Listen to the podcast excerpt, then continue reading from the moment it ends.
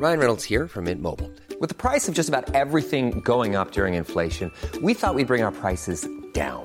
So to help us, we brought in a reverse auctioneer, which is apparently a thing. Mint Mobile unlimited premium wireless. Ready to get 30, 30, bit to get 30, bit to get 20, 20, 20, bit to get 20, 20, bit to get 15, 15, 15, 15 just 15 bucks a month. So, Give it a try at mintmobile.com slash switch. $45 upfront for three months plus taxes and fees. Promo for new customers for limited time. Unlimited more than 40 gigabytes per month. Slows. Full terms at mintmobile.com. Everyone knows therapy is great for solving problems, but getting therapy has its own problems too, like finding the right therapist, fitting into their schedule, and of course, the cost. Well, BetterHelp can solve those problems. It's totally online and built around your schedule. It's surprisingly affordable too. Connect with a credentialed therapist by phone, video, or online chat, all from the comfort of your home. Visit betterhelp.com to learn more and save 10% on your first month. That's BetterHelp, H E L P. Burrow's furniture is built for the way you live. From ensuring easy assembly and disassembly to honoring highly requested new colors for their award-winning seating, they always have their customers in mind. Their modular seating is made out of durable materials to last and grow with you. And with Burrow, you always get fast, free shipping. Get up to 60% off during Burrow's Memorial Day sale at burrow.com slash ACAST. That's burrow.com slash ACAST. burrow.com slash ACAST.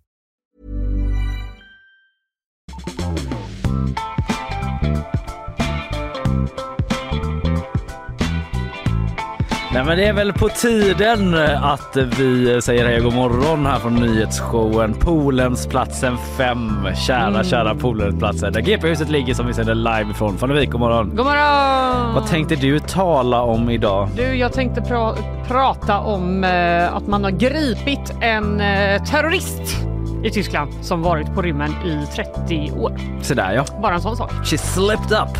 Ja. Blev slarvig. Du, det var tack vare ett tv-program. Va?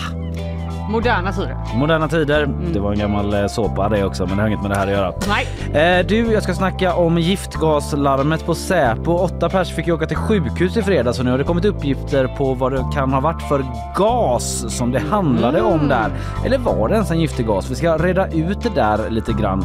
Sen kommer jag också vid något tillfälle här i programmet, eh, frågan är när, men prata lite om de blåa zonerna i världen där folk eh, sägs bli särskilt gamla då. Nu har det kommit ny forskning som ifrågasätter det. Va? Så är det. Eh, vi får en gäst också. Ja! Gabriella Pichler. Det blir kul. Ja, det ska bli kul. Hon har ju regisserat eh, Oscarsbidrag från Sverige, vunnit Guldbaggar, pris på filmfestivalen här i Göteborg och så vidare. Men nu är hon aktuell då med serien Painkiller på SVT som hon skrivit och regisserat. Vi ska snacka med henne om den. Vi har ju sett den båda två. Vi gillar det. Mm, den är inspirerad får man väl säga av hennes eget liv och handlar om en mamma som lever med fibromyalgi, alltså kronisk värk och hennes dotter som är konstnär men typ lite får upp det för att ta hand om henne. Och grejen är att den är jätterolig! Den är en skrattfe- skrattfest om eh, kronisk värk. Tro det eller ej, Ändå eh, skillat att kunna göra en sån. får man säga. Mm. Bakvagn. Ja, eh, PR-kris på Kellogg's. Kellogg's. Det var länge sedan. Kellogg's! Mm. Och också ska vi prata lite om en gammal, gammal eh, idol som kommer till Göteborg. Alright, och jag ska prata om en annan gammal idol, nämligen Wayne Gretzky och hockeykort. Vilket jag som av en händelse kan koppla då till ett av mina starkare barndomsminnen som också är en cautionary tale. Det är den enda hockeyspelaren jag kan. Men vad kul! Då kan du också få nostalgimusa lite. Ja, verkligen. Mm. Och så kanske något om Stefan Sauk som ska bli AI-röst också. Och världens dyraste bröllop, eventuellt. Oj! I, eh, som inte Stefan Sauk ska på, men eh, däremot Rihanna i Indien. Ja, det kunde man ju tro. Det kunde man allt tro. Du, något annat eh, som har hänt sen igår när vi satt här? Nej. Nej, bra. Då eh, går vi vidare.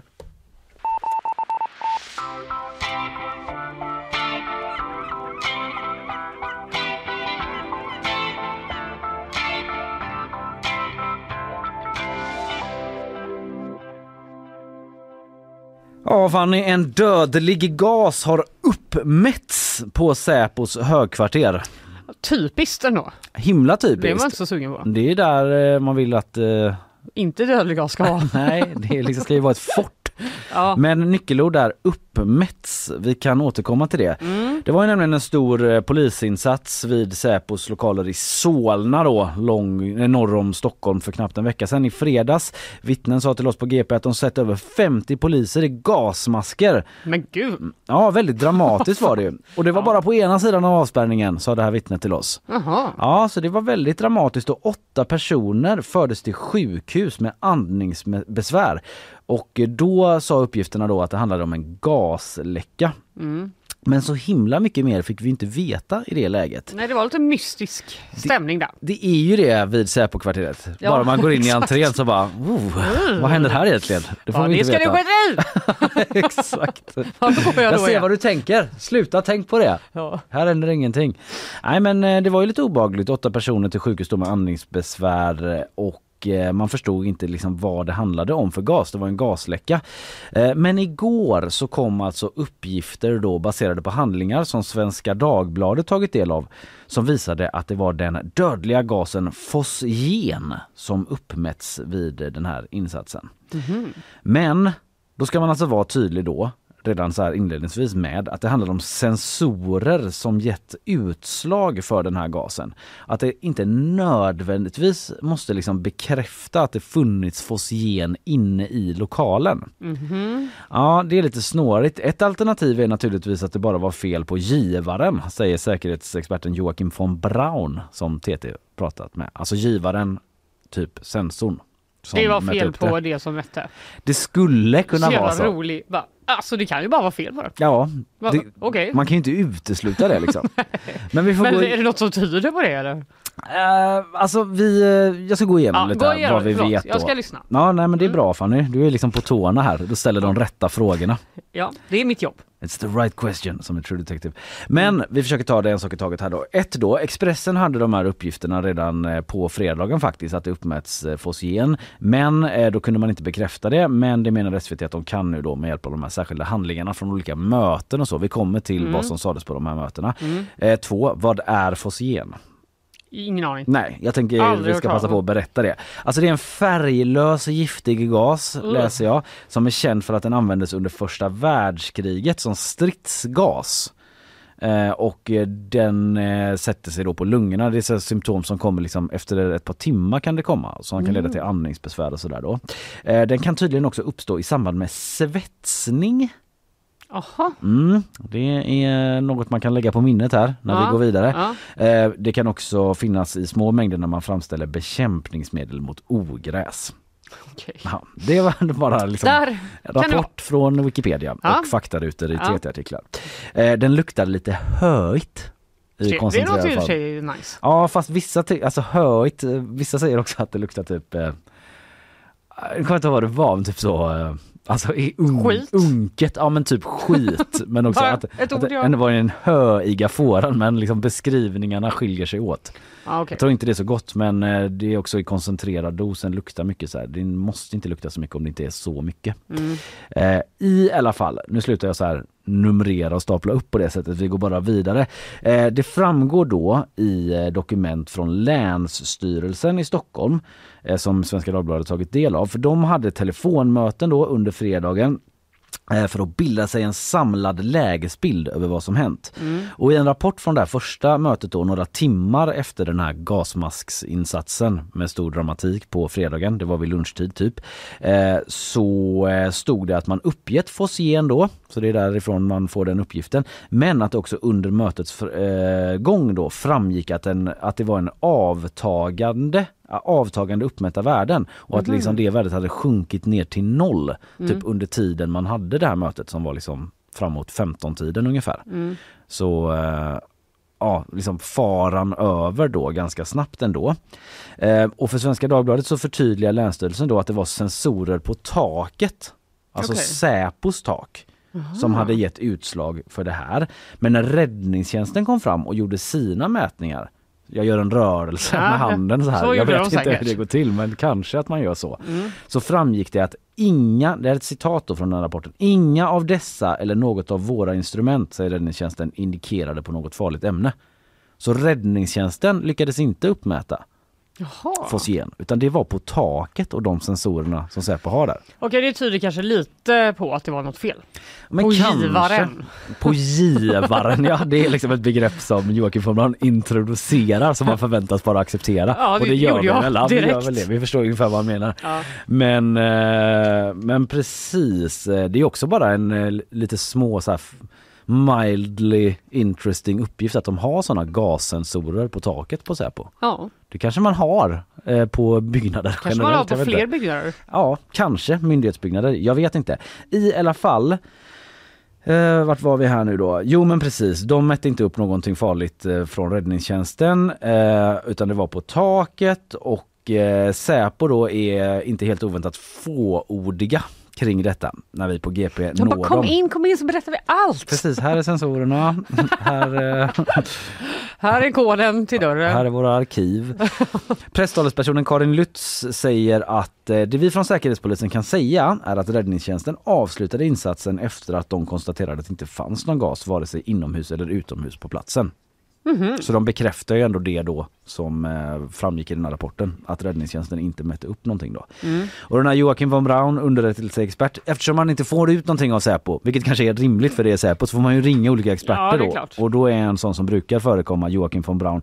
Och eh, han säger då till TT att han är skeptisk till uppgifterna om att fosgen mätts upp eller åtminstone till att det ska funnits liksom i eller runt byggnaden. Han säger att det helt enkelt kan ha varit fel på sensorerna då som sagt. Men det var ju ändå åtta personer som fick åka till sjukhus då. Ja precis, för det tyder ju på att eh, det inte var något fel. Precis. Ja, att Något, någon, något, något problem. fuffens var det. Eller att det bara ger utslag om man typ får så placebo-effekt.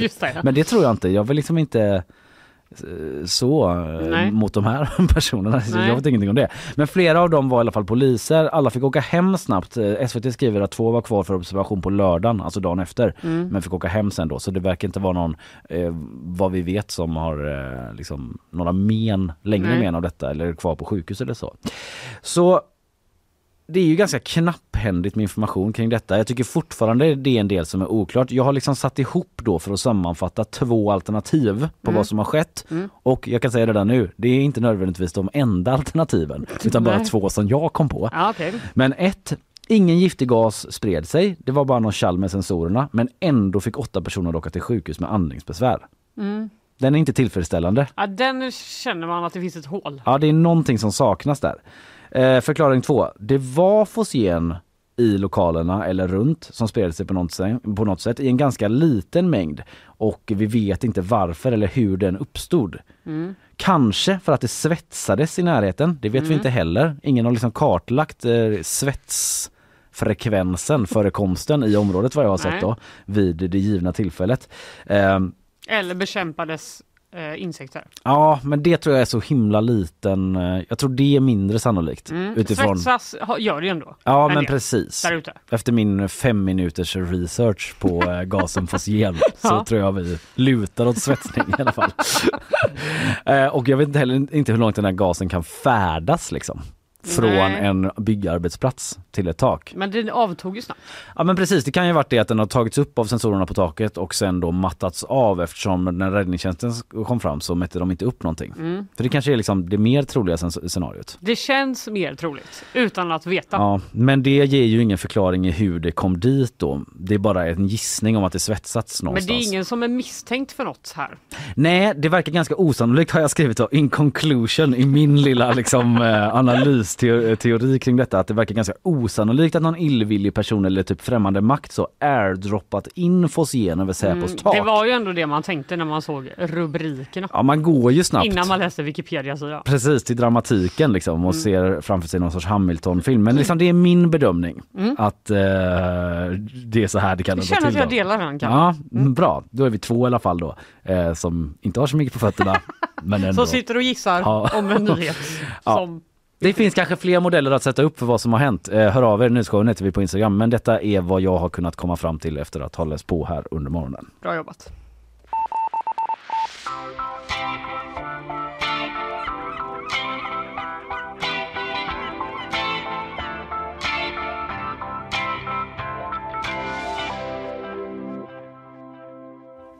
Du, eh, igår så pratade ju du om eh, den här nya rapporten som sammanställs av, först var det väl i England och sen hade Danmark gjort samma sak. Ja precis, Eh, om eh, ord för f- att vara full. Just det. Olika synonymer på, eh, ja det var lite olika där. Det var ju 500 ord för att vara full i England. Ja, Och vad var det? 900 i Danmark. Ja, en, mycket fler i Danmark Ja. och sen i Sverige var det 100. Ja, men här hade man inte gjort samma forskningsrapport då, utan Nej, då det var väl typ en person som hade bara försökt. slagit i liksom registren typ lite grann. Ja, och då var det ju många på, på-ord. Alltså på kamelen till exempel. Kamelen, kanelen, lyset. Exakt. Ja. Och Men, vi, ja. ja, vi liksom eh, slängde ju ut på Instagram då till våra lyssnare vad Mm. man sa för att vara full för att liksom bygga på den här banken. Den vi tyckte var lite torftig i SVTs artikel. Alltså, jag känner att vi behöver skicka in det här till den här språkforskaren. Ja men kanske. fick så många helt random bra svar. Ja vi vill ändå redovisa några av dem då. Vi kan väl lägga upp några på Insta sen också men eh, bara så att folk som skickar in känner att eh, vi ser er och vi uppskattar er. Mm. Vi uppskattar ert eh, innehåll. Det var ju ändå några som då skickade in det här på pickalurven som du eh, ville förbjuda. Ja, men jag tycker bara inte det låter så kul. Nej. Det låter liksom, jag vet inte, kanske lite perverst. Ja, kanske. Det kanske får stå för mig. Ja, men det låter nästan som man är lite att man inte vill, eh, att man vill, mm, det är nästan något som är lite pry, prytt. Ja men det är det, men jag menar typ att en gammal tant kan, som har Ja. festat runt på någon sån tesalong kanske skulle kunna säga det. Exakt, men då säger man väl det lite eh, ironiskt då. Men då är motsatsen kanske att man var askalas som en del skickat in som ett ord då. Är det fler än en som gjort det? Ja, det är det. Ja, två i alla fall. Mm. Har du någon, fa- någon annan favorit? Jag gillade den här Dronk. Ja, jag det, är var lite, dronk. det var ju en konkurrent till din Berused, som jag absolut inte gillar. Nej, det är en som har skickat in den också och det är jag. Jag vet, men det är verkligen bara du kan det. Ja, Nu bad jag i och för sig folk att inte skicka in just den. nej, men det, Men finns, ju, det finns ju ganska många som man känner igen då också så här, i gasen, len om tassarna känner jag inte igen. Det var lite gulligt. Pissnitad gillade jag. Jag gillade radiostyrd. Ja, För att jag kan ändå förstå. ja men den, Målar en tydlig bild. den har jag ändå hört. Och så karate, typ som så här karatefylla. Mm. Jag gillade också, den var ju lite på mitt Berus-tema. Folk som säger att man var packed. Alltså Ja. packad, men packed. Jävlar vad packed jag var i fredags. Den gillar jag. Ja. Eh, och eh, Slirig är också ganska bra. slirig, smakad har vi också. Eh, dyngrak, tankad, ja det är inte så konstigt. Rund under fötterna har vi nämnt. Ja det är några av dem. Dragen klassiskt. I, i tvåstadsområdet, vilket är det nu igen? Är det Trollhättan? Jag trodde det var trestadsområdet. Ah, Okej. Okej, så Uddevalla är inte med då. Så i, Vänersborg, Trollhättan. där säger man att man är knack. Känner du igen det Isabella? Oj, hon bara tar Ja, händerna framför ansiktet nu. Ja, Tänker på honom var knackt en gång. Precis. Ja men det är ju några av dem vi har. Eh, Ja, eh, jag känner att eh, vi får bara börja testa de här olika. Se vad som passar oss. I rava, eller gött med säger man i Värmland, det också. I, man var gött med i lördags du. Ja, det är bra. Ja, vi skickar dem till språkrådet eller något. Ja, Tack ska ni ha allihopa.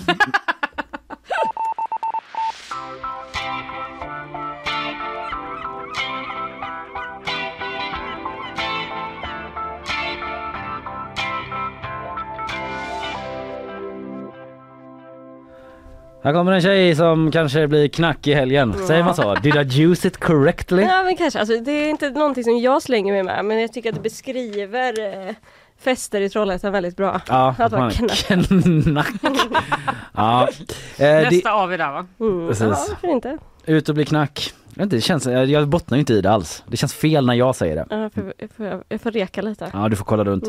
Mm. Eh, nu eh, slår vi om i ton för nu är det dags för nyheter. Ja, nu tar vi Vart något. börjar vi? Vi börjar i Örebro den här Okej. gången. Varsågod Isabella. Tre personer är svårt skadade efter en allvarlig tågolycka i Örebro. Då. Olyckan inträffade strax innan klockan 11 igår kväll. De tre personerna befann sig i närheten av Södra stationen. Något form av gods eller servicetåg passerade. Tågtrafiken har stängts av helt under natten och loket har tagits i beslag men föraren till tåget ska inte vara misstänkt för något brott. Det uppger polisen. Oceana har klarat sig bättre än vad man tidigare trott, det konstaterar nu Liseberg efter att ha tagit del av den tekniska undersökningen. Det stora bassängområdet på marknivå, alltså golvytorna och bassängerna har klarat sig relativt bra och även källaren, där mycket teknik kopplat till bassängerna finns, är också i hög grad oskadd.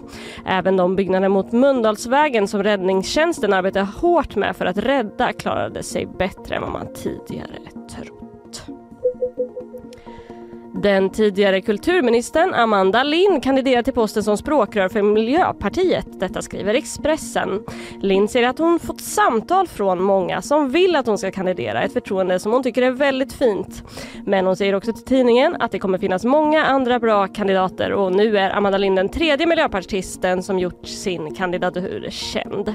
De andra två är partiets ekonomisk-politiska talesperson Janine Alm Eriksson och Annika Hirvonen, förste vice gruppledare i riksdagen. Och partiet kommer välja det nya språkröret den 28 april. Tack Isabella. Amanda Lind in i matchen Jajamän, alltså. hon kastar sig in. Kändaste namnet hittills ändå. Ja. Eh, Får man väl ändå säga. Ja, absolut. Ingen Ja. skugga över Janine Alm Eriksson och Annika Hirvonen. Men de har inte varit ministrar i alla fall. Nej, så är det. Mm. Mm. Ja, spännande att se. Många som hört av sig med fina ord till henne. hon bara, Okej då, Ja, jag jag kan väl göra. Tycker ni verkligen att jag hade varit så himla bra? Okej då, då gör vi det. Ja, vi får väl se hur det går för henne. Om en stund så kommer Gabriella Pichler hit. Eh, Hon har ju växt upp delvis i Wien tror jag.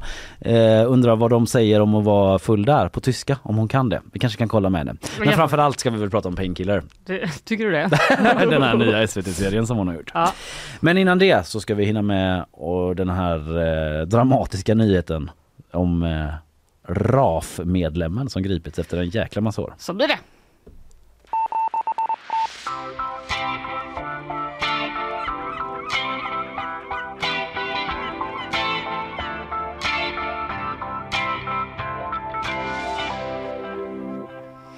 Ja du Kalle, tysk polis har alltså gripit en eh, RAF-terrorist som hållit sig gömd i 30 år. Rote Armee-fraktion. Åh, Röda armé. Fraktionen, ja.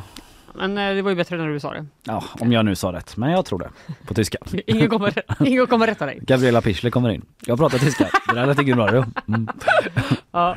Det här rör sig alltså då om eh, 65-åriga Daniela Klette som eh, då bodde med sin sambo i en helt vanlig lägenhet i Kreuzberg i Berlin. Eh, Hon hade en liten hund, hon dansade capoeira, men allt under falsk identitet.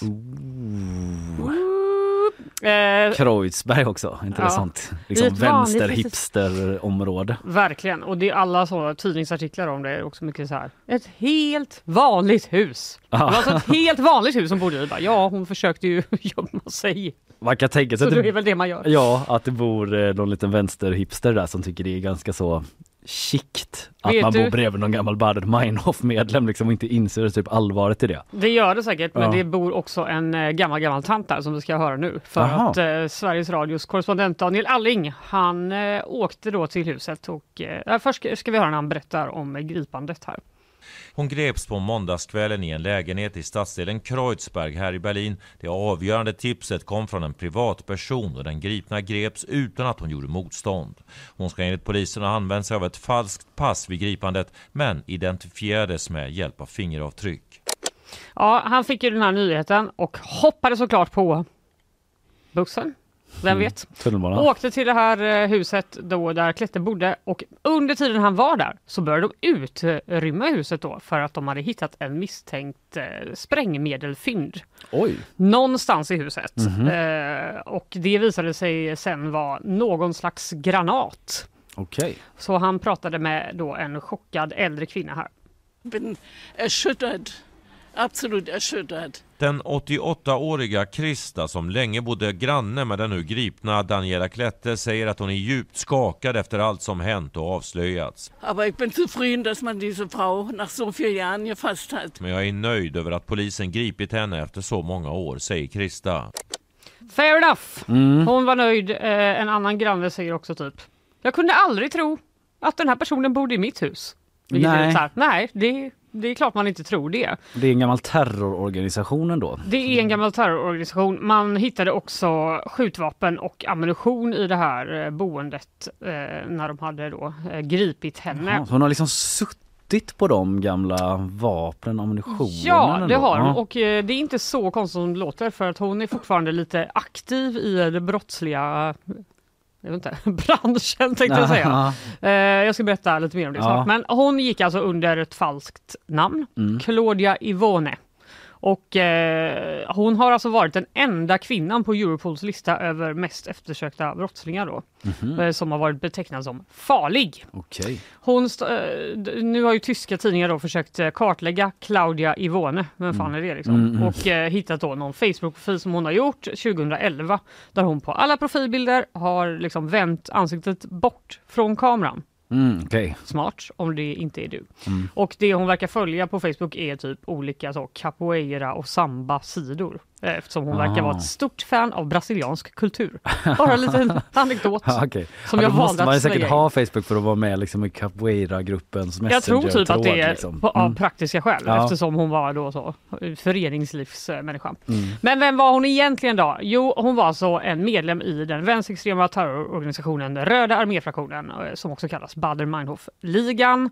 Eh, Och de gjorde sig skyldiga till 33 mord mellan 1970 och 1990-talet. Mm. Och eh, de hade då, liksom, med lite uppbackning av Östtyskland, eh, flera uppmärksammade terrordåd och mord som riktade in sig på politiker, amerikanska soldater, poliser och eh, skadade minst 200 personer i de här attackerna. Mm. Eh, och den här 65-åringen då misstänks bland annat för att ha varit delaktig i deras sista dåd som var en sprängning av ett nybyggt fängelse i den tyska delstaten Hessen. Mhm. Där ska då fem medlemmar ha klättrat över staketet i fängelset, bundit och fört bort vakterna, återvänt och sprängt fängelsebyggnaden. Ja. Sen bara, hej då, nu upplöser vi den här gruppen. ja, Ha det gött. det här var vår sista grej. Exakt. Eh, De eh, misstänks också för att eh, ha tillverkat en bilbomb som dödade en före detta bankchef och flera attacker mot då amerikansk militär i Tyskland. Eh, De låg ju också bakom en ockupation och sprängning av den västtyska ambassaden i Stockholm Ja, just det. 1975 då fyra personer dödades. Sverigebekanta så sett. Exakt. Man började väl gripa andra medlemmar där framåt slutet misstänker jag. Ja, eh, det har varit eh, Klette då, hon räknas till de så kallade eh, RAF-pensionärerna. Och det är det man kallar de som har lyckats hålla sig undan rättvisan då i flera decennier nu då, 30 år pratar vi om. Eh, de upplöstes eh, 1998 RAF men eh, hennes två medbrottslingar Ernst Folker Staub och Burkhard Garveg, de har liksom inte hittats. Och under tiden alltså efter de upplösta RAF så har de genomfört ett tiotal rån av till exempel värdetransporter och Oj, matbutiker. de har det alltså. Ja, bland annat ska den här trion då försökt råna en värdetransport i närheten av Bremen 2016. Jaha, så det pass. är ju alltså ganska nyligen och de slog då till och sköt mot väktare som men tvingades fly. För Mm. väktarna lyckades då låsa in sig och eh, den här transporten med euro till värde av drygt 10 miljoner kronor. Mm. Så de eh, failade helt enkelt det rånet.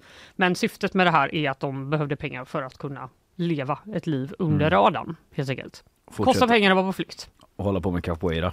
Exakt. Säkert skitdyrt. Man Nej, säkert riktigt billigt i Riktigt Kreuzberg. men- lätta kläder, du vet. Kanske något i linne eller så, jag vet inte. Ja, i och för sig Ja. dyrt material. Eh, men trots då att de har varit gömda i 30 år så har man eh, helt enkelt gått ut med nya efterlysningar vid flera tillfällen de senaste åren. Inte minst då för att de begått nya brott. Och eh, den som ha, hade då kunnat lämna ett avgörande tips Mm. om var någon av de här tre personerna befunnit sig skulle få en liten belöning på 1,7 miljoner kronor. 1,7 miljoner kronor. Mm. Ja. Ändå en summa och eh, det avgörande tipset då för att hitta just Klette Mm. ha, kom då via tyska Efterlyst. Ish. Jaha. Det står det på Aftonbladet i alla fall. Det är deras tolkning. Hans Aro som är programledare för det. Exakt. Eh, De, hade, de, drog, de körde ett program där de visade upp olika jättefula fantombilder på hur de skulle då Oh. kunna möjligtvis se ut nu 30 år efter. Och eh, fick in 250 tips Jaha, ja. gällande de här tre personerna eh, och ett av de tipsen då var ju det som ledde fram till Det Klette. var det. Ja Mm. det är ändå, alltså tänk att man kan leva efterlyst i 30 år och bara liksom gå på capoeira Bara och bo i Berlin. Liksom, bo i Berlin i Ha ett Kreuzberg. liv. Kreuzberg är väl som värsta hippa trendiga området. Det är säkert något nytt som gäller nu. Ja, det är Men det jo, har kanske. absolut Men det var det för det. 15 år sedan kanske. Det var det när jag var ung. Eh, nej men exakt. Vad det nu spelar för roll men eh, ja. Jo men lite gör det väl för att man tänker typ att hon var tvungen att bo i typ en bunker. Ja, men hon precis. har ju verkligen bara levt Det är inte så ett ensligt hus på landet. Nej, Nej. exakt. Hon har bott mitt bland folk. Typ lite smart på ett sätt. Men, Mm. eh, ja. eh, nu i alla fall Daniela Behners som är inrikesminister i eh, förbundslandet Niedersachsen. Mm. Där eh, Klette begick då ett av de här senare rånen. Mm. Hon har gått ut och sagt att det här är en milstolpe i tysk kriminalhistoria. Och de flög också eh, Klette ner dit då, där hon nu sitter häktad i väntan på rättegång. Jakten på de andra två verkar högst aktiv. Ja. Vi får väl se. Vilken jäkla story ändå. Vilken jävla grej. Också typiskt någon sån övervintrad vänster, ja, extrem person att hålla på med capoeira. Du vet att vara så intresserad av sydamerikansk kultur. Det, jag vet. You're det, stereotyping yourself. verkligen. Det säger också något om hennes ålder. Eh, det kan du verkligen göra.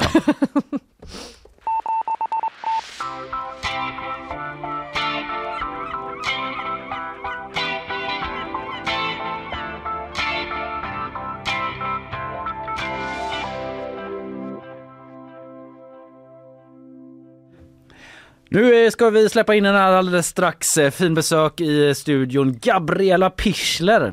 Mästerregissören vill jag säga. Hon har ändå regisserat ett Oscarsbidrag, herregud. Alltså, wow. Vunnit en och annan Guldbagge och nu är hon aktuell då med Painkiller på SVT. En humorserie om kronisk värk som är jätterolig. Ja, den är verkligen det. Häng kvar, nu eh, kommer hon snart in i studion. Gabriella Pichler.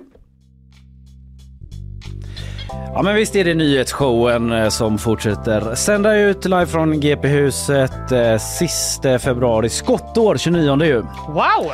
Ja, men nog om det. Vi har ju annat att fokusera på nu. Dagens gäst är här. Hon är regissör och aktuell med serien Painkiller på SVT. En humorserie om kronisk verk. Kronisk verk, grovt förenklat då. Men den är väldigt rolig. I övrigt har hon vunnit flera Guldbaggar, prisats på filmfestivalen här i Göteborg och stått för Sveriges bidrag till Oscarsgalan för att nämna några grejer. Välkommen hit Gabriella Pichler! God morgon! Tack så mycket. Tack, god morgon. Och vi får väl ändå ta i eh, omedelbart här att du ändå berömde min tyska. Ja, ja. alltså på riktigt. Det är aldrig någon som prickar rätt på mitt namn. Så att, eh, Nej. Jag vet inte om det här är bra för. Kalle att du säger det här. Så du var så här snäll mot honom så tydligt. Det är bra att jag är här som Ja. eh, kan väga upp. Ta ner honom ja, igen. Exakt. Men du pratar tyska? Ja, min pappa eh, var ju från Österrike då, eh, så vi hade, vi hade liksom eh, tyska hemma och så mamma är från Balkan så vi hade liksom eh, ex-Jugoslav, eller vad heter det, numera bosniska. Ja. Också. Så det blev en jävla blandning Ja, av allt. eller hur? Och inget är jag riktigt bra på känns det att det, Det brukar bli så. Har du något favoritord eh, som du säger eh, för att vara full? Vi pratade om det förut. Alltså så här, det, det, var, Ah, det ja, kom så här ja. för, sammanställningar i Danmark Japp. av liksom så här. Ja men jag såg det när ni drog igång den listan. Men eh, ett favoritord, äh, äh, gud, nej. Det kanske låter när man töntigt när man säger Man det fick ur inte kontext. säga pickaluren, eller hur? Ja men jag Eh, tycker det, Fanny är emot. Men, jag tycker eh, bara det låter som en gammal människa som säger det. ja. Du är ju jag ung. är en gammal människa. Nej det är du inte. Du är för cool för att säga det. Du får ta pickaluren. Ja, då tar jag det. Ja. Jag paxar den. Ja det är bra. okej. Du, eh, Painkiller, Mm. din serie på SVT som du har skrivit och regisserat. Ja, skrivit tillsammans med Johan Lundborg eh, vill jag ändå Ja, säga. absolut. Rätt ska vara rätt. Min partner in crime. Mm. Det är alltså en serie i sex delar som handlar om Diana då och hennes vuxna dotter Andrea. Jag bara så att folk hänger med lite då. Ja. Det, det kretsar ju kring de två ganska mycket. Ja, mamma vem, dotter. Precis, vem är Diana? Hur skulle du beskriva henne?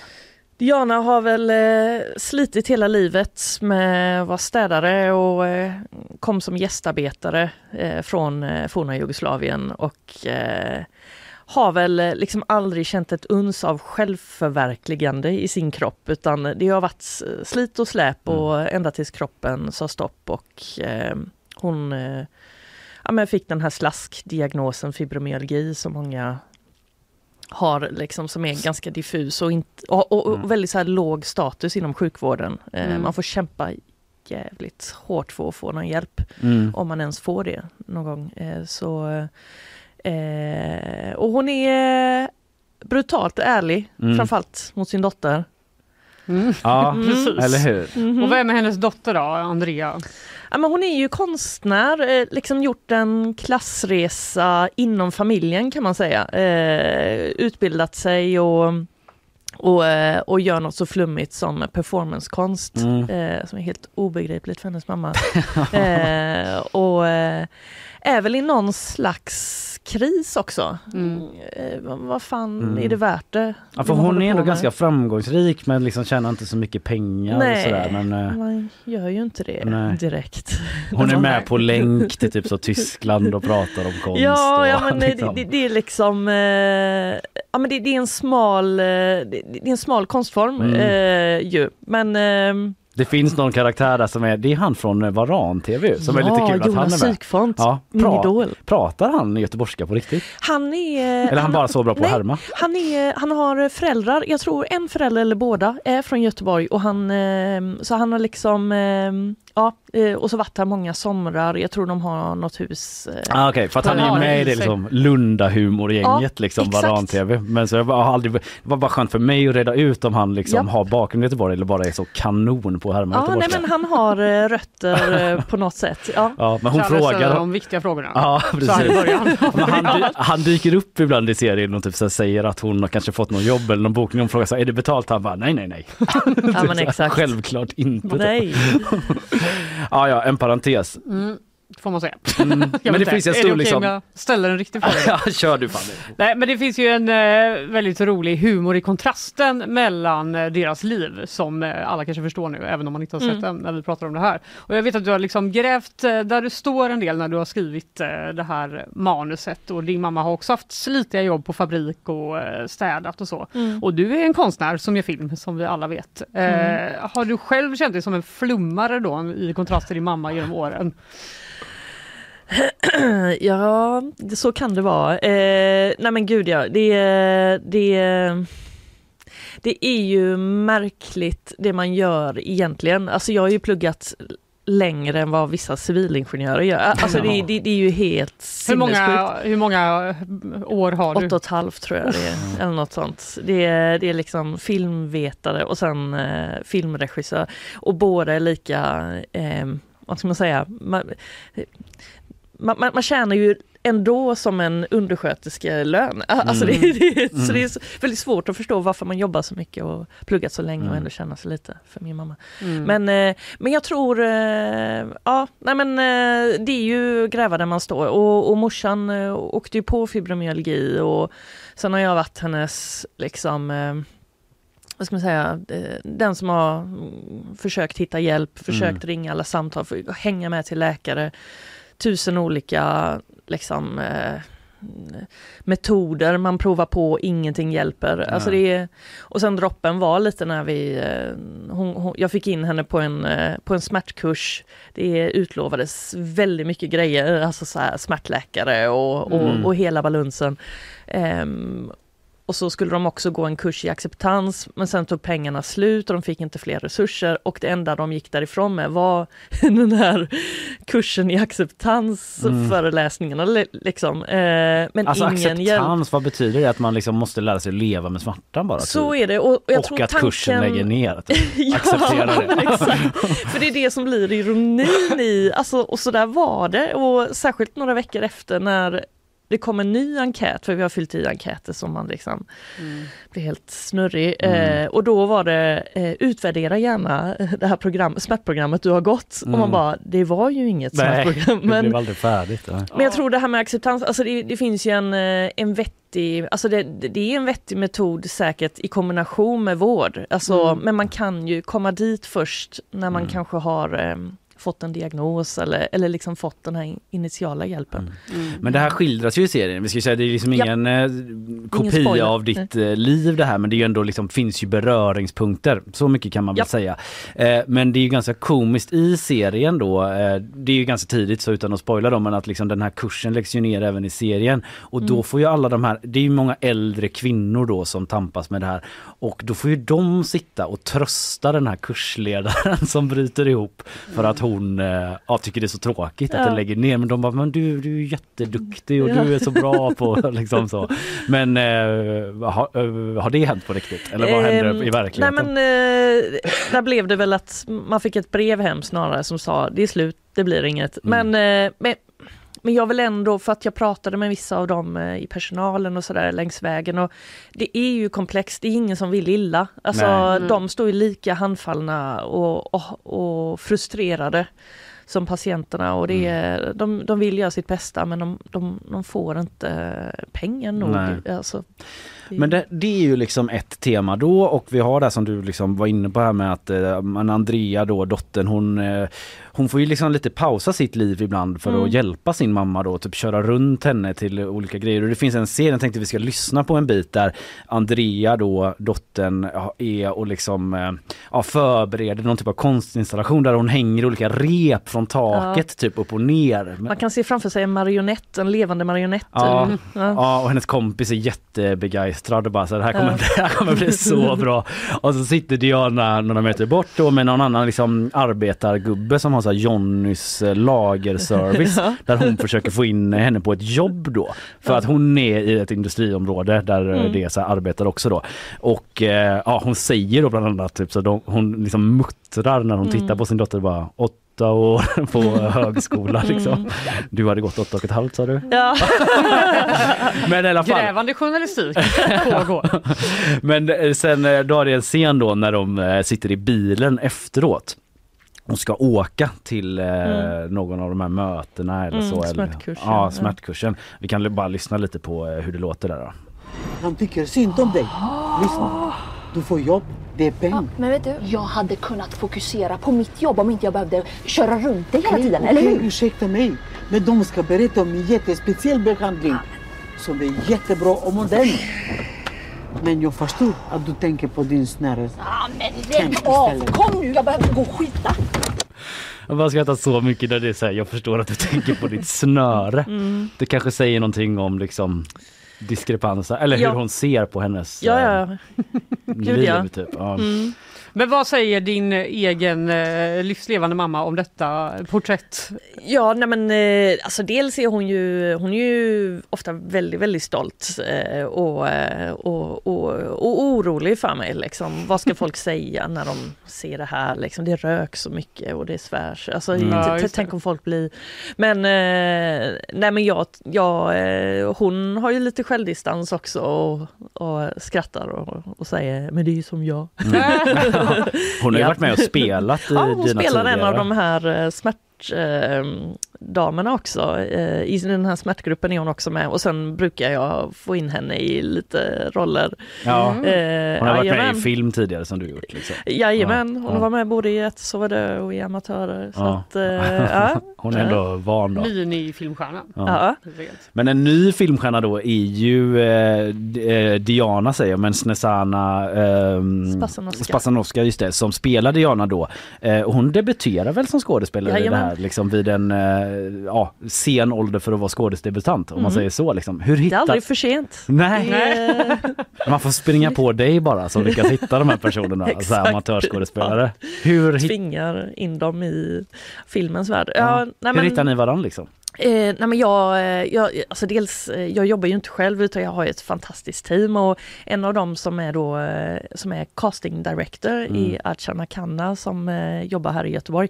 Och hon eh, letar ju länge och väl efter någon som skulle axla den rollen eh, och fick då ett tips och eh, vips så så stod hon där och, Mm. och blev provfilmad och under lång tid också och sådär, många omgångar. Och, Mm. Eh, Vi försökte ju liksom, vi ville Ja. ju att hon skulle komma också men hon, är- hon jobbar ju. Ja, så här, hon alltså, jobbar ju på en lunchrestaurang. hon har ju typ rusning nu, kvart i åtta, det är nu det är lunch. Alltså, Ja, eh, som det, bygglunch liksom. Ja. Med Så ägg och bacon och eh, allt ska serveras. Ja, ja, så är det. Hon är ju en jäkla personlighet. Eller jag har ju inte träffat henne men så som hon framstår i serien. Hur kändes det när du såg henne typ provfilma? Eller när du förstod att så här, det här kan nog vara något? Nej men det är, framförallt handlar det ju mycket om eh, mod, alltså att våga. eh, Särskilt, ja men vad fan, man, man vet ju inte vad man ger sig in i. Hon har aldrig gjort det här förr och hon ska ja, men, allt ifrån bli gipsad och invirad i cellofan. Alltså, Ja. det, det, det, det är liksom, eh, det är ganska, ja, men det är ganska udda karaktär också att, att ta sig an för vem som helst tror jag. Så jag menar bara att hon eh, vågade, att hon hade lust och hon har ju ett psyke som också är, ja men jag ska klara det. Mm. Eh, och går det fel eller sådär så är det bara på det igen och det, det, är- det är ju fantastiskt, det önskar man ju att man själv var. Mm. Eh, så hon, eh, ja men eh, hon har liksom eh, en energi också som är, ja men den är så god och så eh, smittande. Det är ju någon slags så här Ja men hur ska man säga, men liksom så här Balkanmorsa confidence, liksom stark, eh, Ja. bara ångar på. Ja. Eller förstår vad jag far Ja, ja, efter typ. Ja, men- men jag tror överlag också att kvinnor som börjar, alltså, mm, börjar passera de 60 börjar också få någon slags skitsamma attityd Mm. till saker och ting. Mm. Det är så här, jag har tagit tillräckligt med skit, nu är det nog. Mm. Eh, och den är, den, den, eh, den är ganska uppfriskande liksom. Mm. Det är, ja så att ehm, Men kändes det liksom viktigt att, alltså du vet att få porträttera, det är inte så ofta man ser den karaktären porträtteras i svensk film, liksom, en kvinna i den åldern. Ja. Eh, så. Var det liksom en viktig grej för dig? Ja men det är, alltså man, eh, man saknar ju de berättelserna. Eh, så att det, det känns viktigt och det, och det känns också viktigt att berätta det med humor. Att det inte är, ja men liksom bara jag läser så här mamma-dotter relation, man bara herregud vilken Mm. ångest. Man tänker på höstsonaten av Bergman Mm. eller liksom så här. Något Eh, allvar. Ja, Almodovar. Ja, ja, ja men det, det, det, det, det kan ju vara så jävla mycket ångest i det och, eh, och att få berätta en sån här historia då med, ja, men med liksom lite brutal humor och, och, och ja men Mm. det, det tror jag behövs lite grann. Mm. Ja. Har Snezana träffat din mamma? Eh, oh ja, Ja. ja, ja, ja, gud ja. Och, och de har Kom ju... de överens jättebra eller blev det liksom? ja, herregud. Jo men det tycker jag. De, var ju med eh, i sma- samma smärtgrupp. Ja men just ja men det, dessutom, de med i dessutom samma- de har ja, spelat de är mot varandra och de, eh, ja, nej, men de tycker om varandra och det, är- det är ju, eh, ja, det är ju märkligt på ett sätt att träffa varandra men det är ju Mm. också, eh, ja. Men ett annat typ eh, tema i serien lite grann tänker jag är liksom Ja men så här gentrifiering och typ Göteborg, det är filmat hela tiden från Hisingssidan, man liksom blickar typ in mot stan. Stan, Det tyckte jag var bara uppfriskande, dels att det är Göteborg men också på Hisingen och typ så här se Göteborg utifrån. Eh, jag vet inte liksom, hur dina tankar gick runt det. Mm. Nej men det, det var en väldigt viktig eh, tråd redan från början och var väldigt eh, viktigt när vi letade platser till serien och eh, också att vi hela tiden, ja men vi ville berätta någon slags eh, Ja, men hur, hur Göteborg försöker hitta en ny identitet Mm. eh, och att det är många som kommer i kläm också. Ehm, ja, men som med gamla Kvillebäcken som nu är liksom hipsterfierat och, eh, och väldigt trendigt och mysigt men också har skjutit bort gränserna för vad eh, folk får vara någonstans. Mm. Eh, och så vi, eh, vi kretsar mycket kring eh, Herkulesgatan och, eh, och de trakterna liksom på Hisingen och sen så var vi på Ringön mycket Mm. där eh, Ja, men där jag tror att, ja, men där hade nog kommunen velat bygga och, och flådiga bostäder och allt sånt. Mm. Är du eh, emot för länge det? sedan. Nej, nej, nej men det är inte det utan eh, ja, men de hade till exempel velat det men där kan de inte det för att marken är så kontaminerad så det går inte. Nej. Eh, alltså det skulle ta, eh, det, det kommer ta lång tid innan det och då får konstnärerna vara där istället och verkstadsgubbarna. och jag tycker vad det säger. Bara, ja, ja, Ja, men- ni, kan, ni får den plätten. Vi kan Men, ändå eh, inte. f- för att det blir billigare Ja. hyror och sådär. Men, nej, men det är ju mer att ehm, absolut ska en stad utvecklas. Det är när man s- specifikt riktar in sig på eh, folk som har pengar. Alltså oftast är det ju det, man vill att folk ska konsumera, man vill att folk ska... ehm, de man riktar sig mot är ju de eh, resursstarka och inte de resurssvaga. Ja. Och, och, eh, Diana kanske inte hade köpt en lägenhet i Karlatornet. Nej, det är ju Nej. det och jag tror, eh, men hon liksom kanske inte tänker på det, att det är liksom, tänker så här nytt och fräscht och de bygger, men att man själv aldrig ens har en chans. Eh, är kanske inte något hon tänker på. Nej. Ja. Jag tyckte det var, på tal om det här då, liksom den här hipsterifieringen, en väldigt rolig scen som jag skrattade mycket åt är ju att det, Diana har ju en kolonilott där då i serien. Och då är det en scen där det dyker upp en sån här hipsterkille som typ så vill eh, byta fröer. liksom har en lite annan ingång till det här med odling. Kan bara lyssna lite snabbt när han dyker upp där. Får ett ganska svalt mottagande då, Mm. Diana och hennes eh, ja, eh, kompisar där. Alltså, så himla nice med den här urban farming-satsningen. När fick ni eh, era lotter? 1985. Shit, otroligt. Får man eh, kika lite vad du har för kul i mullen? Ursäkta? Alltså i rabatten. Lek, lek, lek, lek. Look. Nice. Vill du ha lite sparris? Nej tack. Ja, jag vet inte. Jag tycker bara han är så perfekt eh, hur han ser ut också. Den Mm. där hipsterkillen. Ja, nej men eh, han är fin och han vill ju väl. Ja. men men det, det, det landade inte riktigt.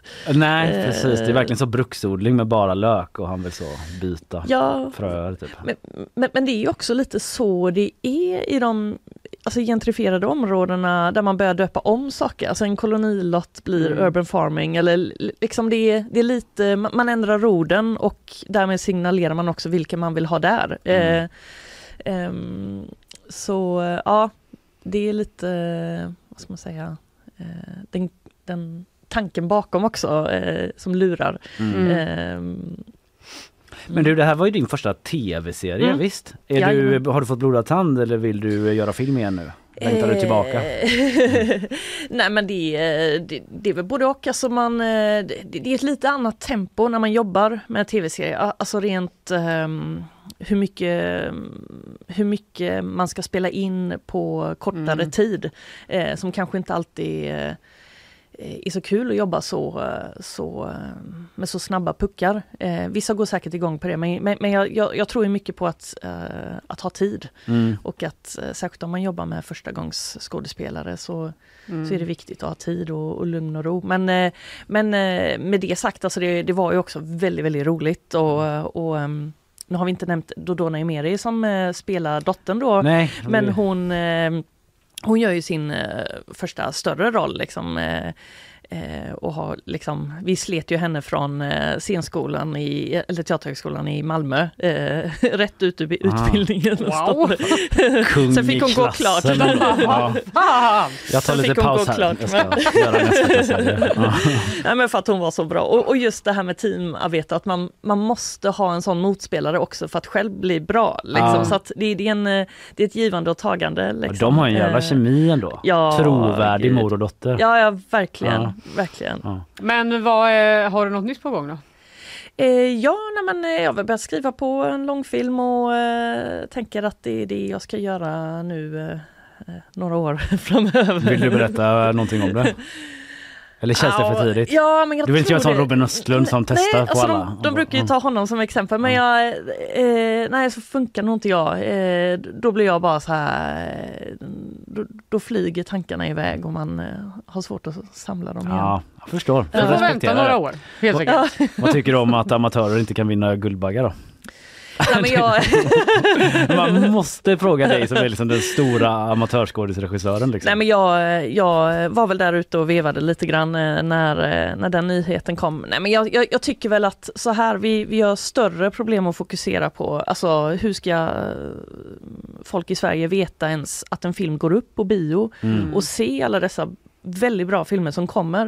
Eh, det är ju där man borde liksom lägga allt krut. Alltså att hålla på så här lite småsint eh, liksom försöka hindra dem från att... Alltså jag tror inte det gynnar svensk film överlag och det är det som är det viktiga. Liksom, att, Mm.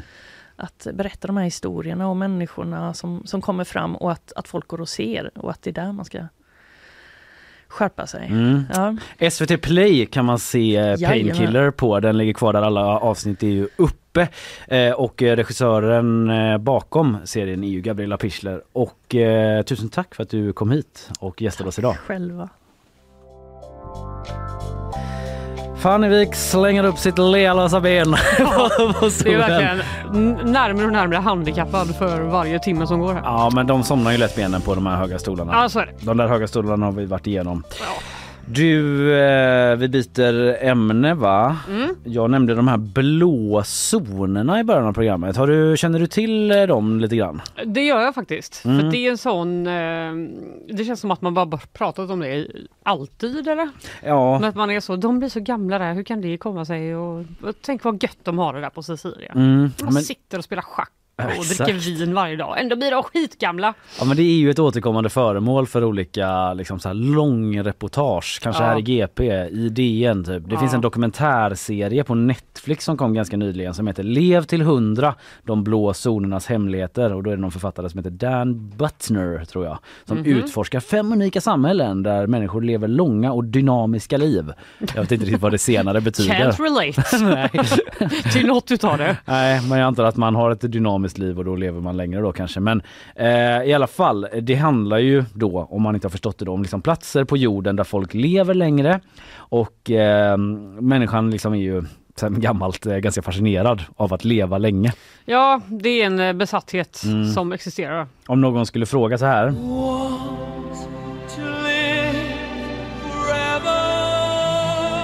vill det, hade någon sagt då. Jag Eh, hade kanske. sagt nej tack.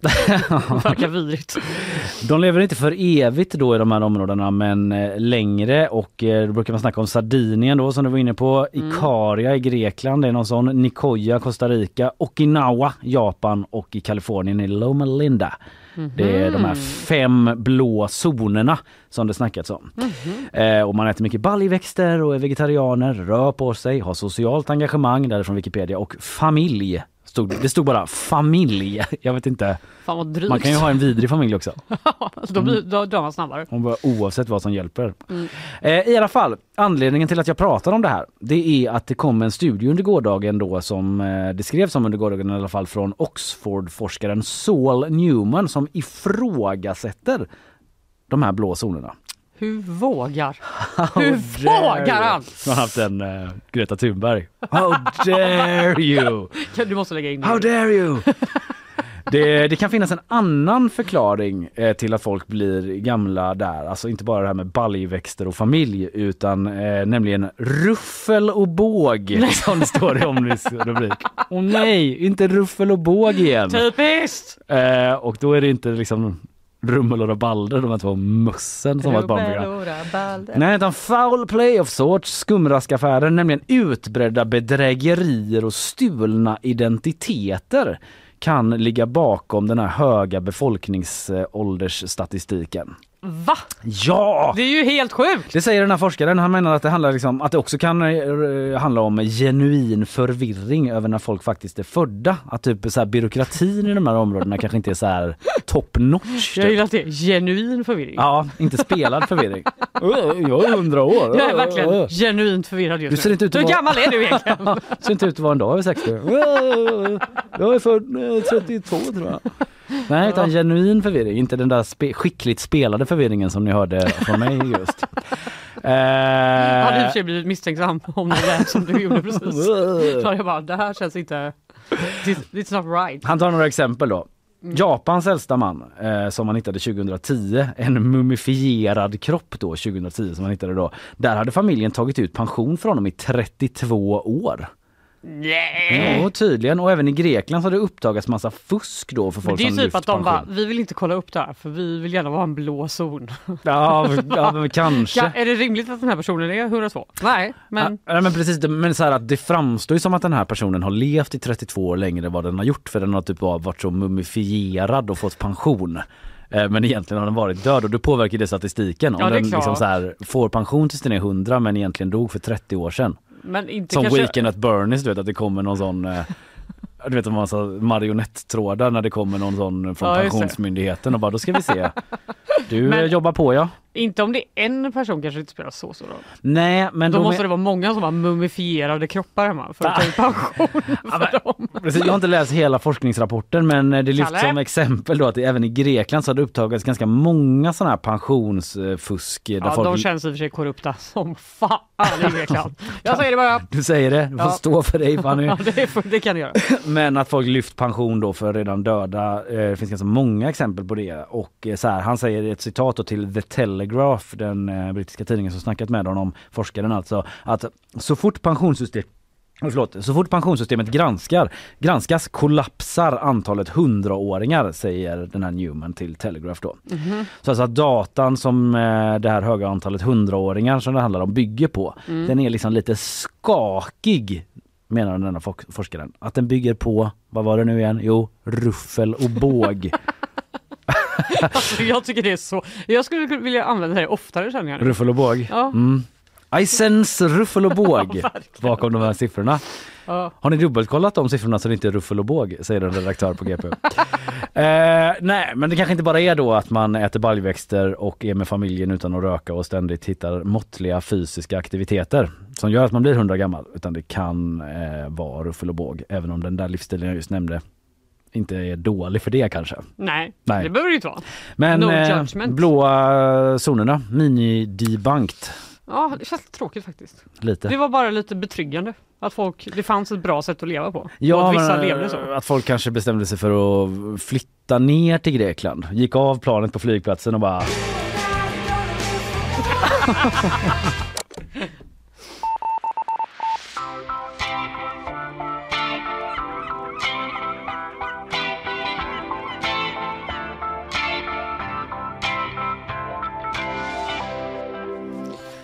Amerikaners matutgifter är de högsta på 30 år. se där ja. Det rapporterar CBS News.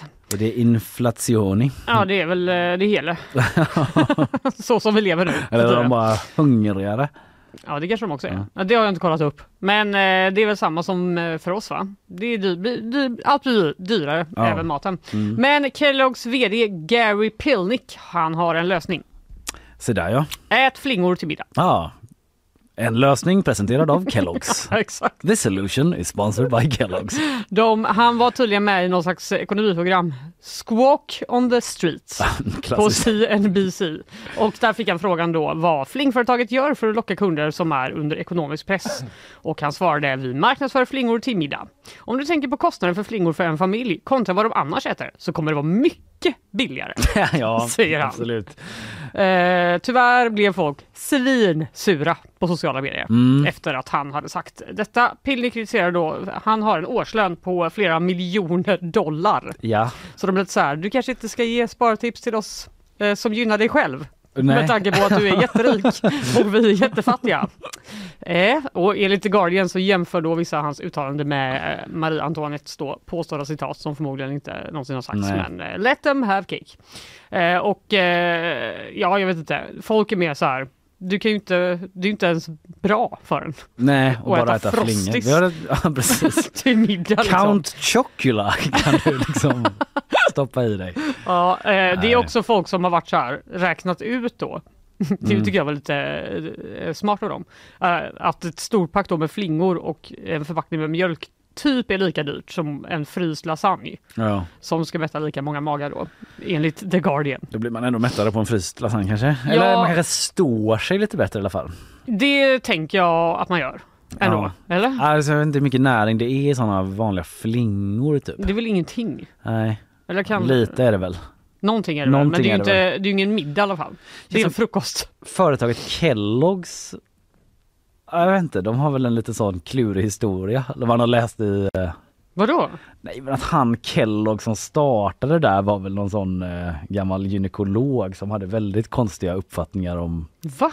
hur kvinnor skulle behandlas och sånt. Ursäkta? Jag har inte det här färskt i minne men Liv Strömquist eh, har ju skrivit om det i sina någon seriealbum typ att han Kellogg som startade Nej. liksom Kellogg's Cornflakes. Han var gynekolog. Eh, Vad i Ja, helvete? och eh, nu kommer jag inte ihåg, jag, vill, jag, jag kan inte säga vad det var han sa men det är bara så roliga exempel Nej, folk får läsa på, en, på eh, knäppa grejer eh, han eh, har Hade s- sagt, typ. Det var ju jävligt länge sedan dock. Eh, typ Ja, till hans försvar, om jag nu exakt. måste försvara honom då. Det men- är ju inte Pilniks fel. Kanske. Nej. Bara för att han är vd för... eh, Skitsamma, det var bara en parentes men eh, okej, en, eh, han är liksom miljardär typ och var ute och bara Ät flingor till och eh, till detta så eh, hör också informationen att priset på flingor har ökat med 28 i USA de senaste fyra åren. Okej.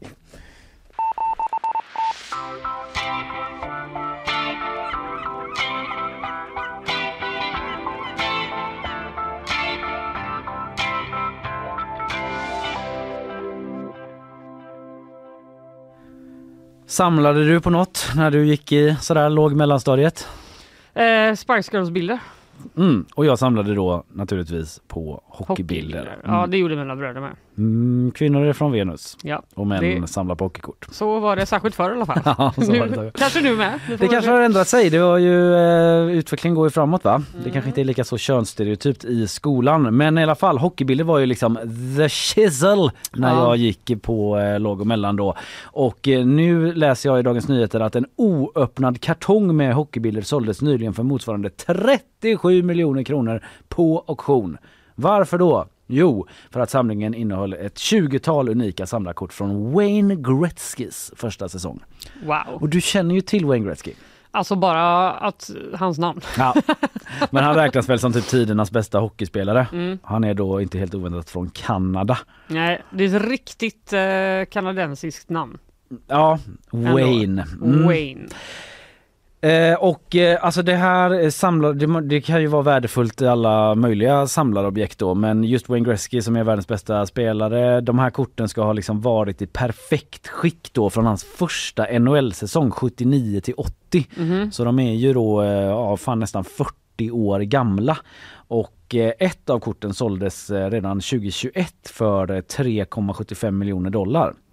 Eh, bara ett kort då, men den här samlingen som eh, har varit okänd fram till nu då, den består av 16 lådor, 48 paket per låda och 14 kort per paket om du vill liksom bryta ner exakt hur många kort, hur många paket Ja, det är. det var verkligen det jag ville. Jag hade kunnat nöja mig med att konstatera att det är 10 000 hockeybilder. Det hade du kunnat säga.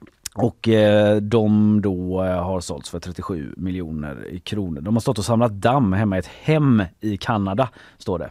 Och det bara får mig att tänka på när jag själv öppnade ett paket med hockeykort och där fick upp en bild på Wayne Gretzky. Men nere i vänstra hörnet kunde jag notera en särskild glittrig symbol som betydde att den var från liksom editionen av hockeykort som heter Electric Ice. Så det var alltså en äkta Wayne Gretzky Electric Ice. Är det här bra alltså? Det började gå snack Fanny kan jag meddela dig. eh, Jag blir typ nervös på en gång att bara så, wow, fuck. Den Vi är här, miljonär nu. Den här är värd, ja men alltså miljonär i en åttaårings eh, perspektiv. Är den då. värd flera hundra kronor? Den var värd 500 kronor sades det.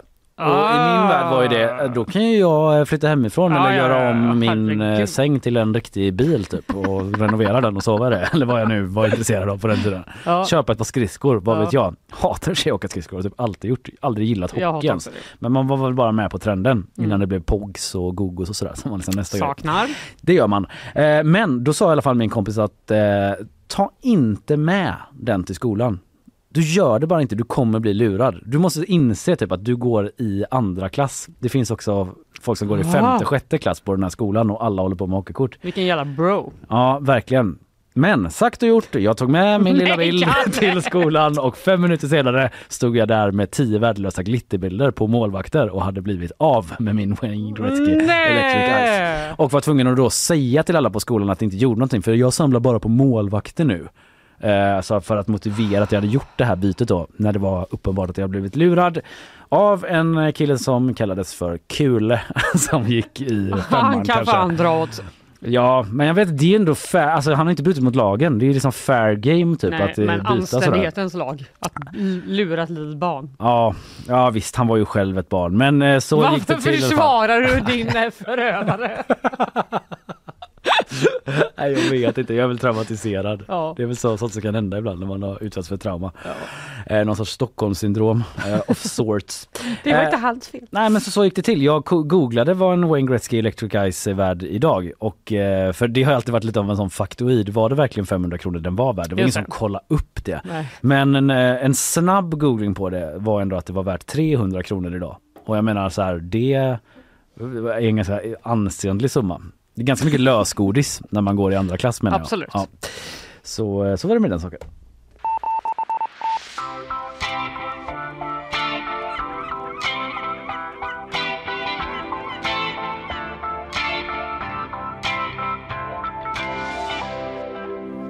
Du vet vad jag läser på TC nu? Nej.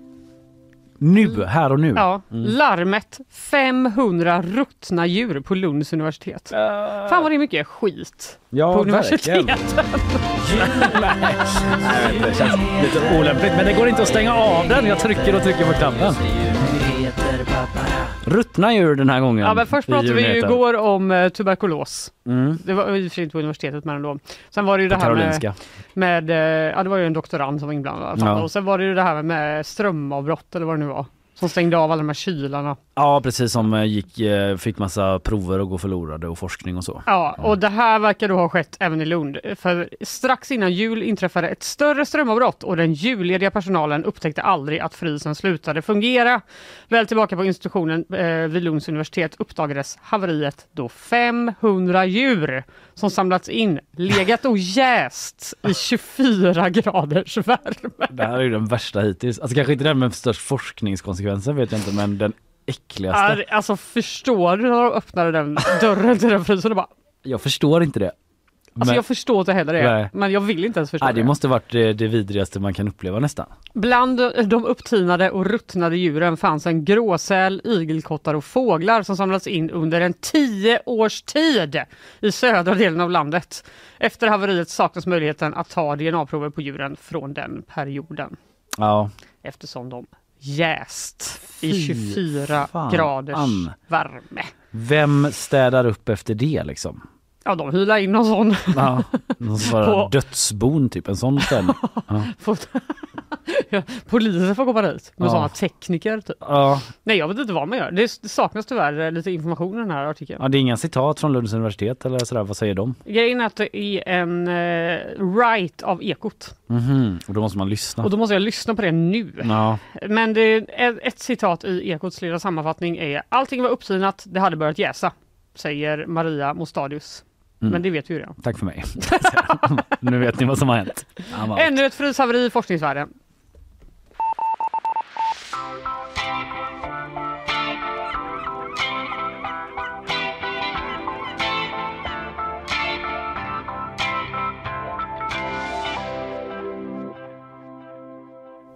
Jag vill bara ta upp eh, att eh, världens, en av världens rikaste människor ska arrangera ett bröllop och det är en person som jag aldrig har hört talas om. Nej.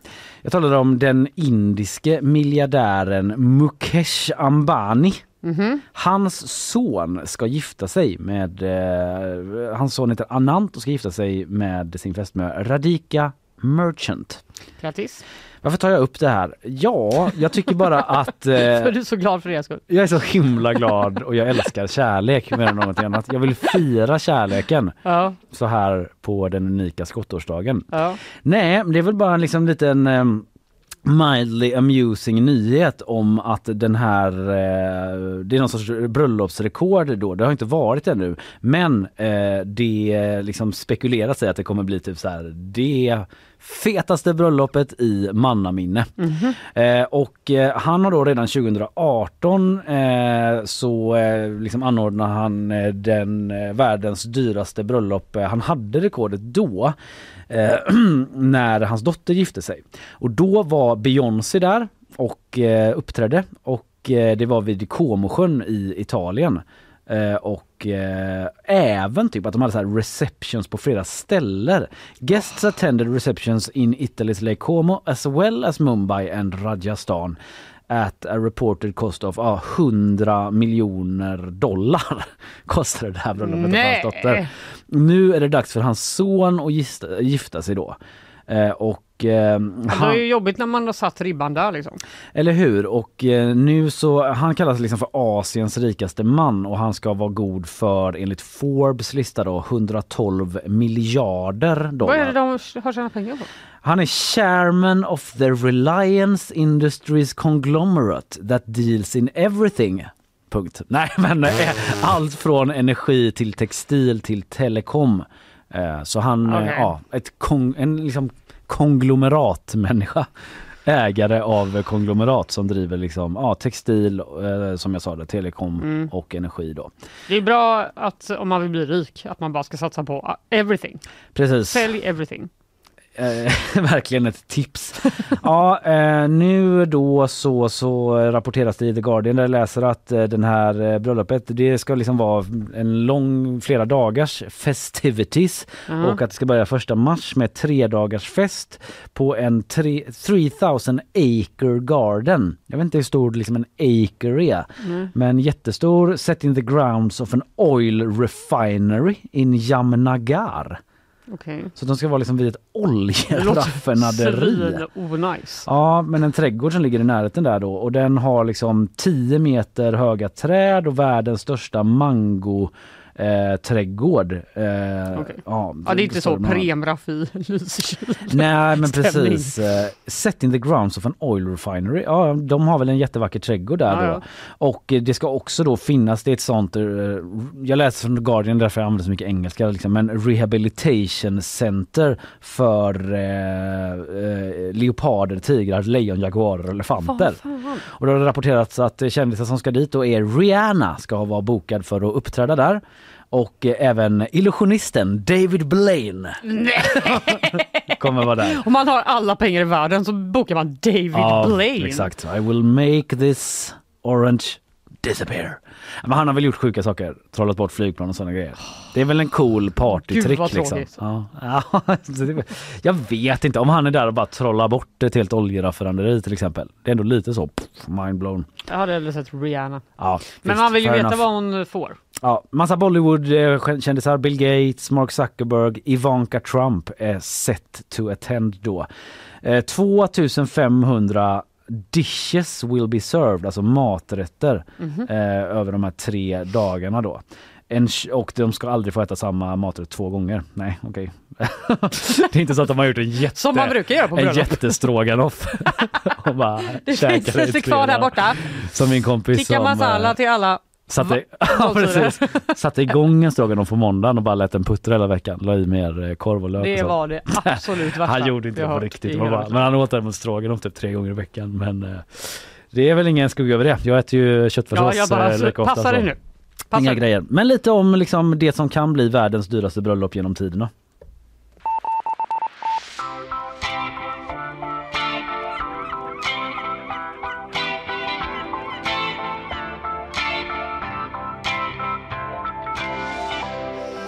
Stjärnglansen ökar på årets upplaga av Vi som älskar 90 och 00-talet. Ja, de har eh, branchat heter. ut till 00-talet också. Riktigt dåligt namn på en festival. Men eh, absolut, de, de kände att de behövde lite fler. Ett decennium till att ta av. Det där är verkligen några som har gjort en festival av en Facebookgrupp. Ja, men det verkar ju funka så jävla Ja, bra. Slottsskogsvallen, Eh, Bananpira, Bananpiren. eh, 13 juli. Och då kommer Nick Carter. Se på fan! Wow, wow, wow! Nick Carter. Wow, wow, wow, wow, wow. Men utan resten av gänget då? Ja, jag vet inte riktigt vad han eh, framträder med. Nej jag har, Har inte gjort hört... egen eh, musik? ja precis. Men det verkar vara tema här för även Jenny Berggren ur Ace of Base är med. Mhm. Men inte de andra i Ace of Base. Okej, men undrar om de kör Ace of Base och Backstreet Boys låtar, får de det liksom? Det står det eftersom både Backstreet Boys och Ace of Base är band som publiken efterfrågat och önskat år efter år. Och det är absolut folket men så här, det är inte så lätt att få dit dem. Nej, eller hur? Jag önskar mig liksom kanske få eh, vara med i Backstreet Boys då? Nej det önskar jag mig inte men Nej men det måste ju, de kan ju inte. kul fantasi kom inte på typ en sån drömönskning ens. Jag, jag önskar att få äta något annat köttfärssås idag. Nej jag önskar att bara inte äta det. Jag önskar att det var okej att äta det sju dagar i veckan. Utan Det är okej utstå Kalle. och spe. Det är okej. Nej men de måste ju faktiskt spela eh, Backstreet Boys och Ace of Base låtar annars är det ju helt meningslöst. Ja och bara, precis. hej jag ska spela hela min soloskiva. Ja, Alla bara, nej. nej precis. Det är min bara eh, cover hits. på eh, Rihannas Umbrella. Exakt. Ah, this blows. Även Army of Lovers och E-Type uppträder. Så och ja. Markoolio och Blümchen. Blümchen är väl där varje år. Fan, jag orkar inte. Ja, får, Ah, ja, lite, eh, information, lite information till er bara. I juli får vi se Mm. vad det blir för låtar.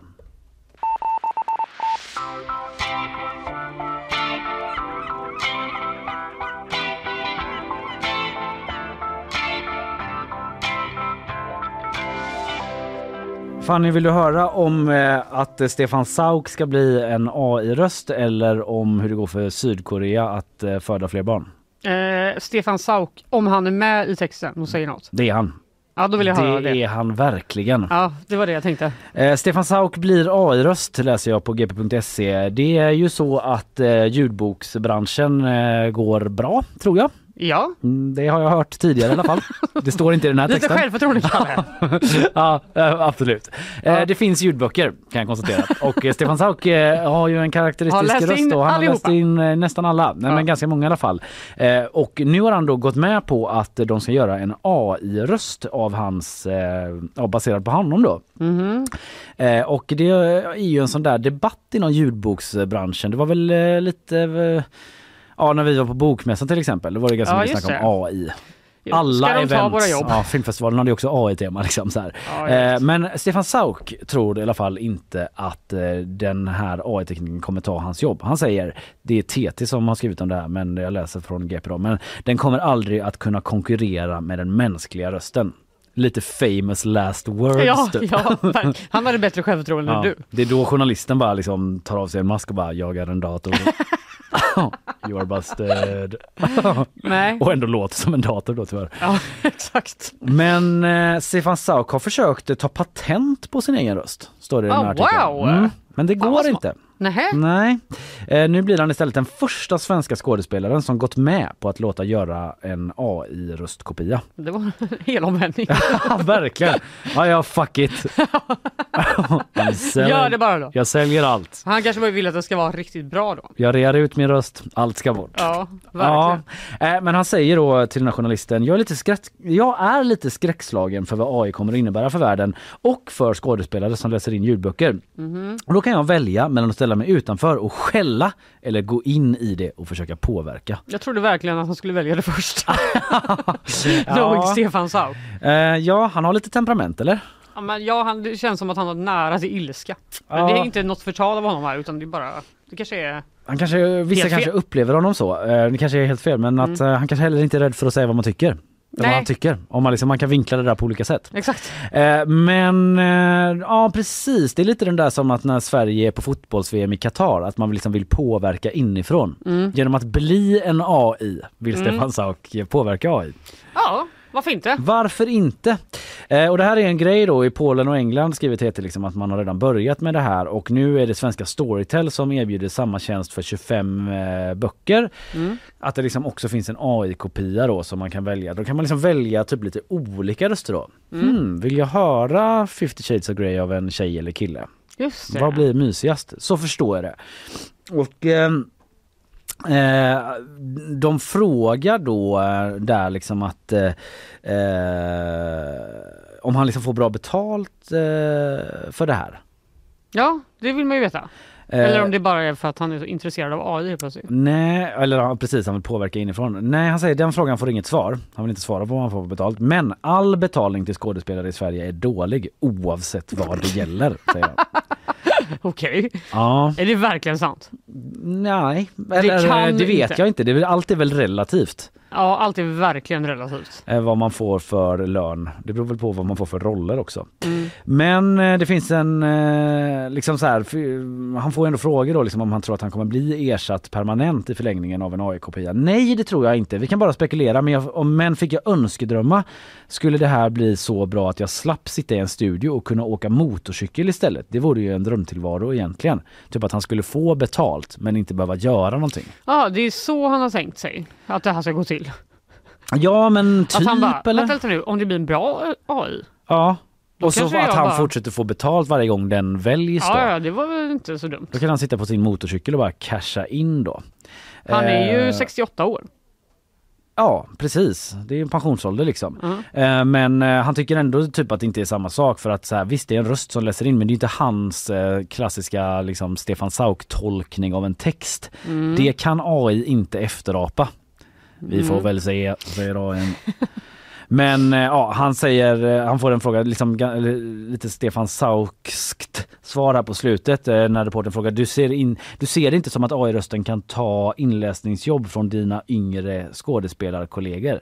Då svarar Stefan Sauk, det där det är en väldigt trist vinkel. Så väldigt svensk och förutsägbar. Du får ursäkta att jag säger det. Den är nästan ett skolboksexempel. Men jag tror inte det kommer bli så. Hur skulle jag kunna göra det förresten? Säger Stefan Sauk. Okej. Ja men det är väl just det. Där slutar texten. Men hur han skulle göra det är väl just genom att bli en AI. Ja, som de väljer exakt. istället för unga skådespelare. De bara, vi sa ju precis Ja, svaret ligger i frågan. Men han tycker det är en jävla pissvinkel i alla fall. ja, ja, noterat. Mm. Först ut med att det blir AI-röst, Stefan Sauk alltså.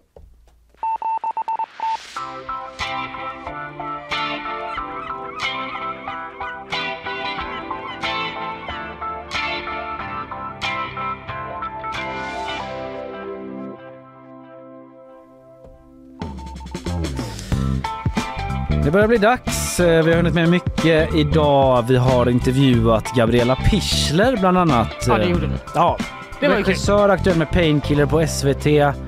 Eh, lite fan of the show visade sig. Ja, Det sa han off air, lite- men jag vill inte låta det vara hemligt. Jag vill ändå säga det. Jag blir glad. Ja, hon sa också att du var bra på tyska. Ja, för att jag typ tvingar henne att säga det igen då. Lite faktiskt. Men vi pratade framförallt om den här nya serien eh, Painkiller som finns på SVT och Ja. eh, det var mycket roligt. Vad pratade du om i början då? Jag pratade ju om att man har gripit en eh, RAF-terrorist i Tyskland. Bader Meinhof-ligan. Ja, hon hade hållit sig eh, borta i 30 goda år, men nu var det slut på det efter ett tyskt efterlyst hade visat en bild på henne. Det sjuka är att jag eh, sitter på en nyhet från Japan om en man som eh, levde som liksom snickare men också var del av en terrorcell. Och Va? typ erkände Kan du ta nu den på sitt imorgon? dödsbädd. Ja, men jag funderar på att göra En det. liten Vi får väl se om den blir utkonkurrerad av någonting annat. Ja, så kan Jag det tyckte det blev lite kaka på kaka om jag skulle ta den idag. Aha, men imorgon är en helt ny dag. Imorgon är en annan Men skit dag. i det, vad pratar du om idag? Ja, jag pratade ju om det här fosgenlarmet på Säpo. Folk fick ju föras till sjukhus i fredags efter ett gaslarm och nu har SvD tagit del av eh, papper eh, som visar på att det var just eh, den här giftiga gasen fosgen. Eller var det det? Andra experter menar att ja, det kanske bara var fel på sensorn. Vi försökte reda lite grann i det där och jag presenterade liksom två olika scenarier för vad jag tror kan Mm. ha hänt. Och jag höll med dig. Mm, det gjorde du. Ja, det var väl det och lite om de här blå zonerna där folk ska bli så himla gamla. Eh, lite debankat av en Oxfordsforskare som säger att det hela ligger, det som ligger bakom. Mm. Vad är det? Jo, ruffel och båg. Eh, tack för idag. Imorgon är det fredag. Då kommer Arvid Nero hit och spelar en liten bit, eh, inte en liten bit, han spelar sin nya låt. Alltså premiär för musik i showen. Ja, det har vi fan aldrig haft Det innan. känns ju lite pirrigt nästan. Ja, det blir mysigt. Arvid Nero lite så up and coming. Eller redan eh, där Redan kanske, men etablerad. eh, etablerad artist eh, från Göteborg då. Det och en del annat. Eh, ha det gött. Tack för idag. Hej då.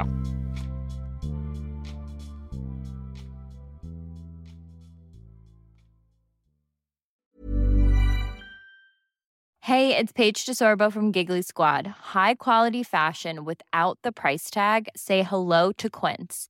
I'm snagging high-end essentials like cozy cashmere sweaters, sleek leather jackets, fine jewelry, and so much more. With Quince being 50 to 80% less than similar brands.